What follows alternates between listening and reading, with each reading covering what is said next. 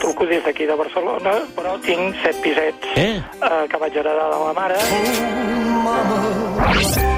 Eh, Set pisos? En el barri de Poble Sec, concretament. No, no puc opinar. Clar, set pisets, no sé si es considera petit propietari, però em sembla una petita gran fortuna, si m'ho deixes dir així. 61.500. Amb el... Jo tampoc eh, no considero, tampoc... A veure, no, no, no és una gran fortuna, Por favor, home, per l'amor de Déu. penalitzar l'especulació. Si deixa la política, es dedicarà a, a fer la tesi doctoral i a la docència? I de què viuré, de què menjaré. No en tindria prou. Jo sóc una bona persona i ho sap tothom. La setmana tràgica.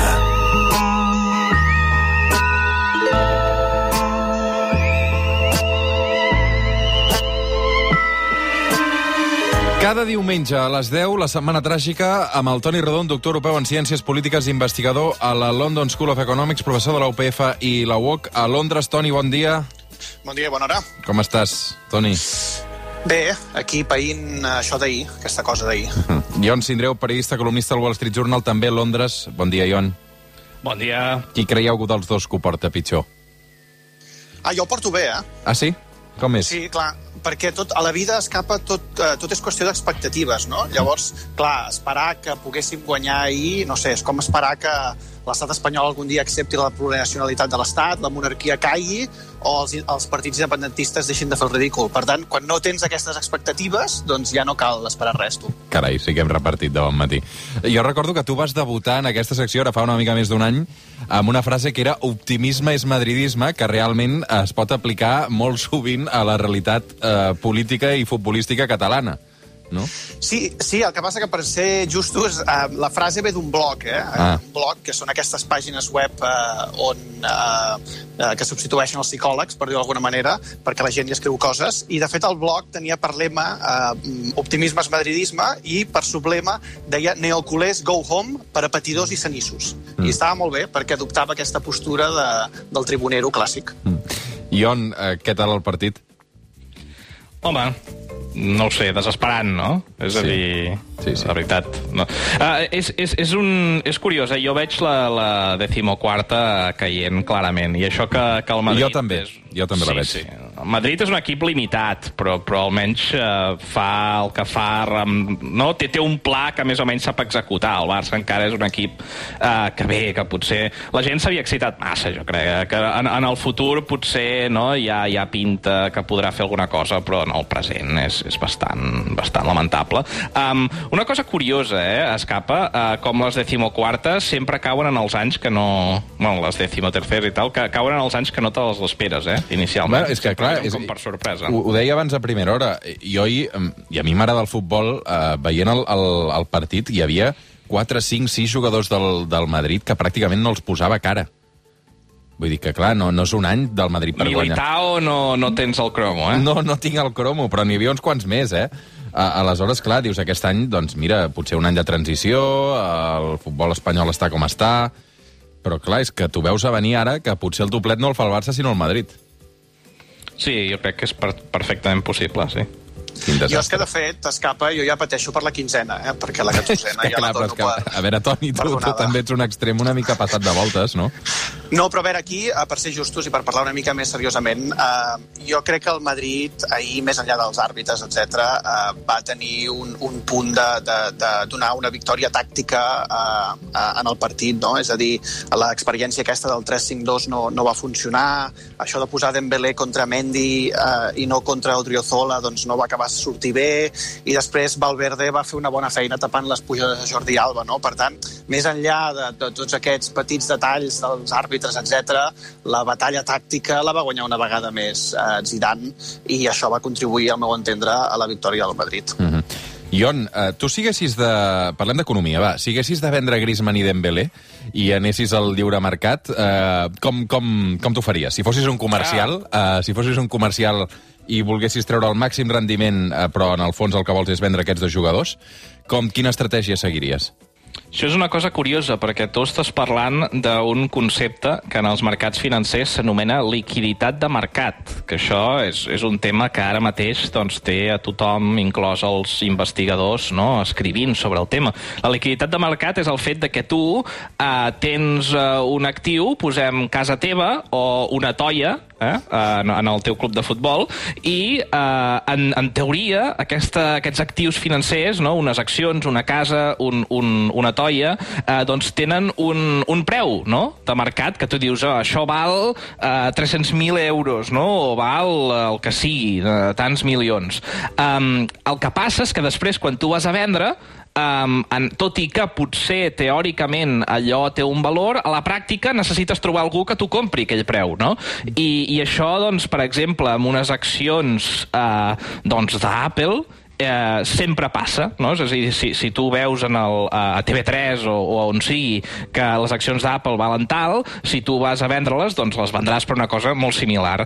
Um, en canvi, a casa teva ja és més difícil, no? Perquè tot i que en teoria doncs, la, les, els, teus, els pisos que, volt, que tenen unes característiques similars a les teves tenen un preu determinat, quan tu vas a vendre-la, eh, doncs et donarà una cosa una mica diferent. Amb el cas de Griezmann i Dembélé, estem en una situació en què és impossible de saber, o molt difícil de saber, exactament eh, quina mètrica fa servir el mercat futbolístic per valorar-los, no? És a dir, tenen encara referències dels jugadors que eren eh, el Borussia i l'Atlètic de Madrid. Eh, estan mirant tots els teus partits, estan mirant només eh, els partits claus, no?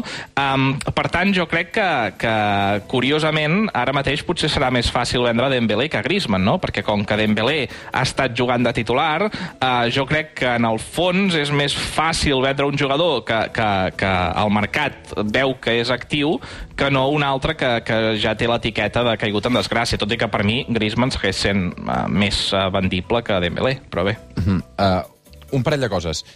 Per, clar, perquè hi ha una cosa que és estratègia, que el Barça sempre ha estat desastrosa, uh, i és que tu, si vols vendre una cosa, has de fer veure que no, que no la vols vendre, no? Clar, clar, és a dir, tu no has de Sí, sí. posar al mercat, no, és que em vull vendre aquest, aquest i aquest, perquè automàticament ja els estàs devaluant. En canvi, uh, um, clar, o sigui, això el Madrid sempre ho ha fet molt bé, i el Barça fatal. Uh, i, i, tinc ve, I veig que està sí. tornant a passar el mateix, que són dos actius aparentment uh, que poden tenir un preu de mercat elevat, com poden ser Dembélé i Griezmann, i els estàs posant d'alguna manera al mercat i, i, i devaluant-lo, perquè si tu estàs dient que te'ls vols treure del damunt, no? Aquí hi ha, un, hi ha un tema també que és el comptable, no? que, del qual hem parlat diverses vegades, que és que, una, com dic, un jugador no, e, no és un bé de consum, és un actiu. Per tant, eh, quan el club el compra, no? se l'apunta eh, al costat del valor, posem, de, de, dels béns immobles, no? de, dels terrenys que té, del Camp Nou, etc. Um, llavors, quan això fa que quan tu el compres, eh, no, eh, comptablement no estàs gastant diners, no? No, no hi ha diners que surten, simplement eh, els diners canvien de forma, no? Passen de, de ser euros a ser Griezmann. Um, Llavors, en canvi, les, les despeses quan es comptabilitzen? Es comptabilitzen cada any, no? És allò que se'n diuen les amortitzacions. Tu descomptes una part del preu del Griezmann pensant que el Griezmann doncs, es fa més vell i el que sigui. Um, I llavors, quan el vens, uh, tu ingresses doncs, la diferència no? entre el, el valor que encara té i el valor que t'estan pagant. Um, què vull dir amb tot això? Vull dir que uh, jo tinc la teoria que el gran problema que hi ha amb els clubs de futbol és que tu sovint, quan fitxes un d'aquests jugadors, al cap d'una temporada, tu ja saps que aquest jugador, uh, molt sovint ja saps que aquest jugador no rendirà pel preu que tu has pagat per ell. Um, I tens l'avantatge de que el mercat futbolístic uh, no ha estat mirant cada partit del Barça i encara té una mica la noció de que aquell jugador és el jugador que tu vas fitxar l'any anterior. Per tant, hi ha una finestra d'oportunitat, jo crec, al cap d'un any de fitxar un jugador que no encaixa, de vendre'l, uh, però per què no es fa? Doncs no es fa per aquests criteris comptables. És perquè segurament uh, t'hauries d'apuntar moltes pèrdues comptables i això, uh, com sabem, hi ha límits d'EBITDA que els directius doncs, han d'avalar i totes aquestes històries. Um, per tant, uh, jo crec que, que el secret seria intentar trobar maneres de que això doncs, no ens preocupi tant i vendre'ls ràpid. Uh, és, és la teoria que tinc. Que la, hi ha jugadors que sí que penses, home, aquest jugador encara té una trajectòria no? i en el primer any no temps. s'ha adaptat. És allò típic que sempre diuen, ai, la primera temporada de Koeman, no?, quan era jugador.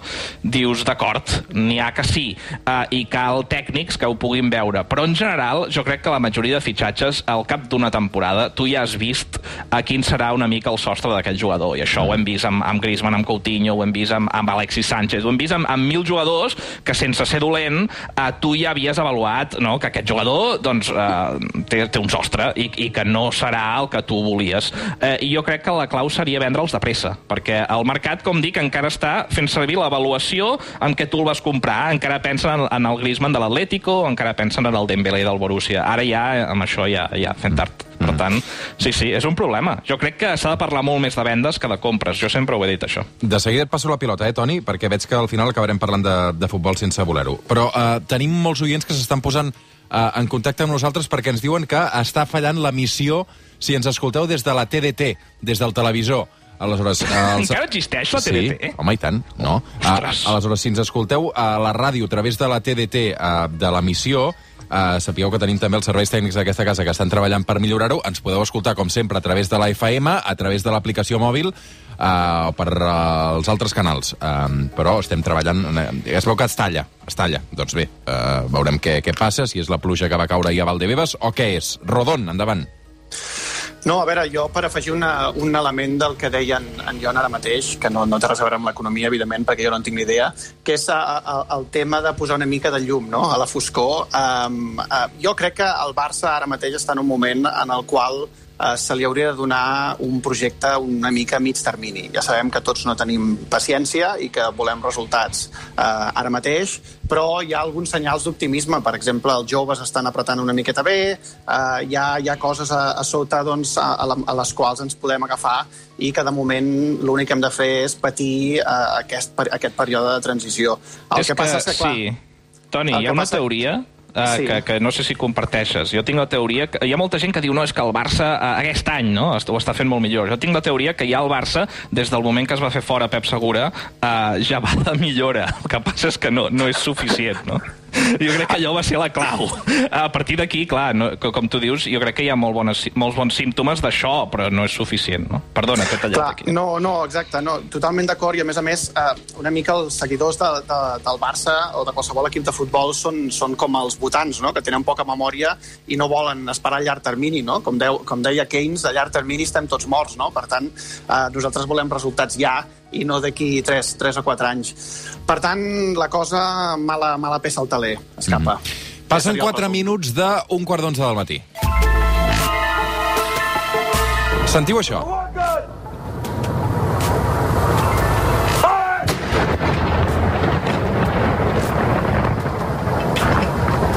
Sabeu què és això? És la, la TDT? No.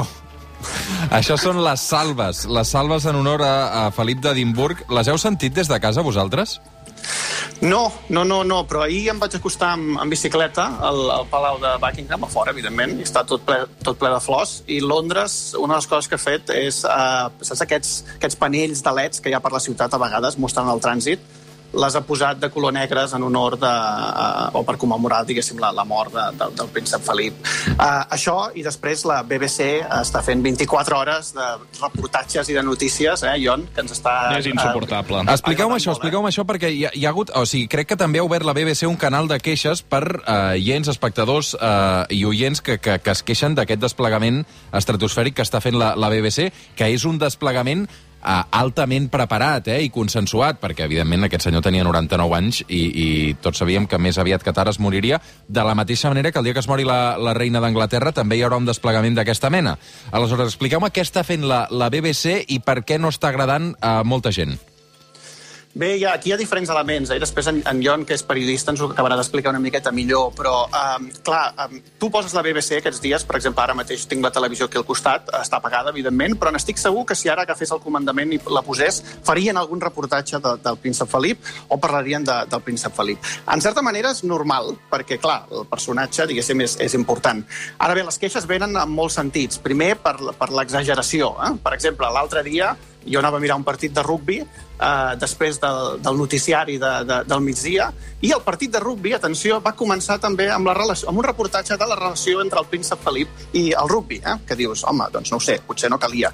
I després gran part de les queixes també venien eh, del, notici, del canal infantil, eh, que es veu que quan feien dibuixos per, per la canalla hi havia un banner d'aquests que posen a sota del televisor eh, dient que hi havia una notícia molt important i instant els nens que anessin a veure el principal canal de la BBC que evidentment estava parlant de, de la mort de, del príncep Felip. I per últim, Jon, i ara et passo la pilota, eh, hi ha un tema també de, de cobertura de contingut, no? Eh, per exemple, l'altre ahir mirava un reportatge de la vida de, del príncep Felip i que ara, de fet, coneixem tots bastant, no? gràcies a la, a la sèrie de Crown, i eh, el reportatge venia a dir que quan ell va deixar eh, l'exèrcit i va passar a fer el paper de, de, de, de rei, diguéssim, amb la, o de rei, perdó, de, de, de, d'acompanyant... Consort. De la, Consort. de consort, gràcies, de, de la reina Elisabet. Ho va fer amb alegria i sense queixar-se i sense cap mena de d'allò de, de, de, de rancor, no? La qual cosa tots sabem, i els historiadors han documentat que, Que és mentida, fals, no? que és mentida. Per tant, eh, no només hi ha una sobreactuació, sinó que, a més a més, el contingut del que s'explica és força dubtós. Endavant, Ion, què t'està semblant la BBC aquests dies? És insuportable. Jo, jo, jo a més a més, el, el primer comentari que es va fer, perquè evidentment quan es va morir immediatament eh, el que fas és posar la BBC, um, és, uh, va tenien el, el típic, no? El, el, el, la Maria Àngels Alcázar uh, britànica, no? Sí. Uh, i, i, I la frase que vaig apuntar és uh, el príncep Felip va fer, va fer una contribució incalculable al èxit del regne de la reina. Clar, aquest, aquest tipus de frases, no? Dius, home, contribució incalculable, no, no, no, et pertoca a tu calcular-la? És a dir, d'això estem parlant. No? Clar, de per què hi ets, si no és per calcular-la? I, i, I, a més a més, diu, diu l'èxit de, del, del regnat de la, de la reina. Però amb què mesurem l'èxit? d'un regnat, diguem, d'una monarquia uh, parlamentària, no? Per tant, Home, doncs, eh, per poder- exemple, no, es pot, es pot mesurar amb els suports que té, no? Vull dir, no és una cosa que estigui en discussió, per exemple, la monarquia britànica, cosa que aquí sí que passa.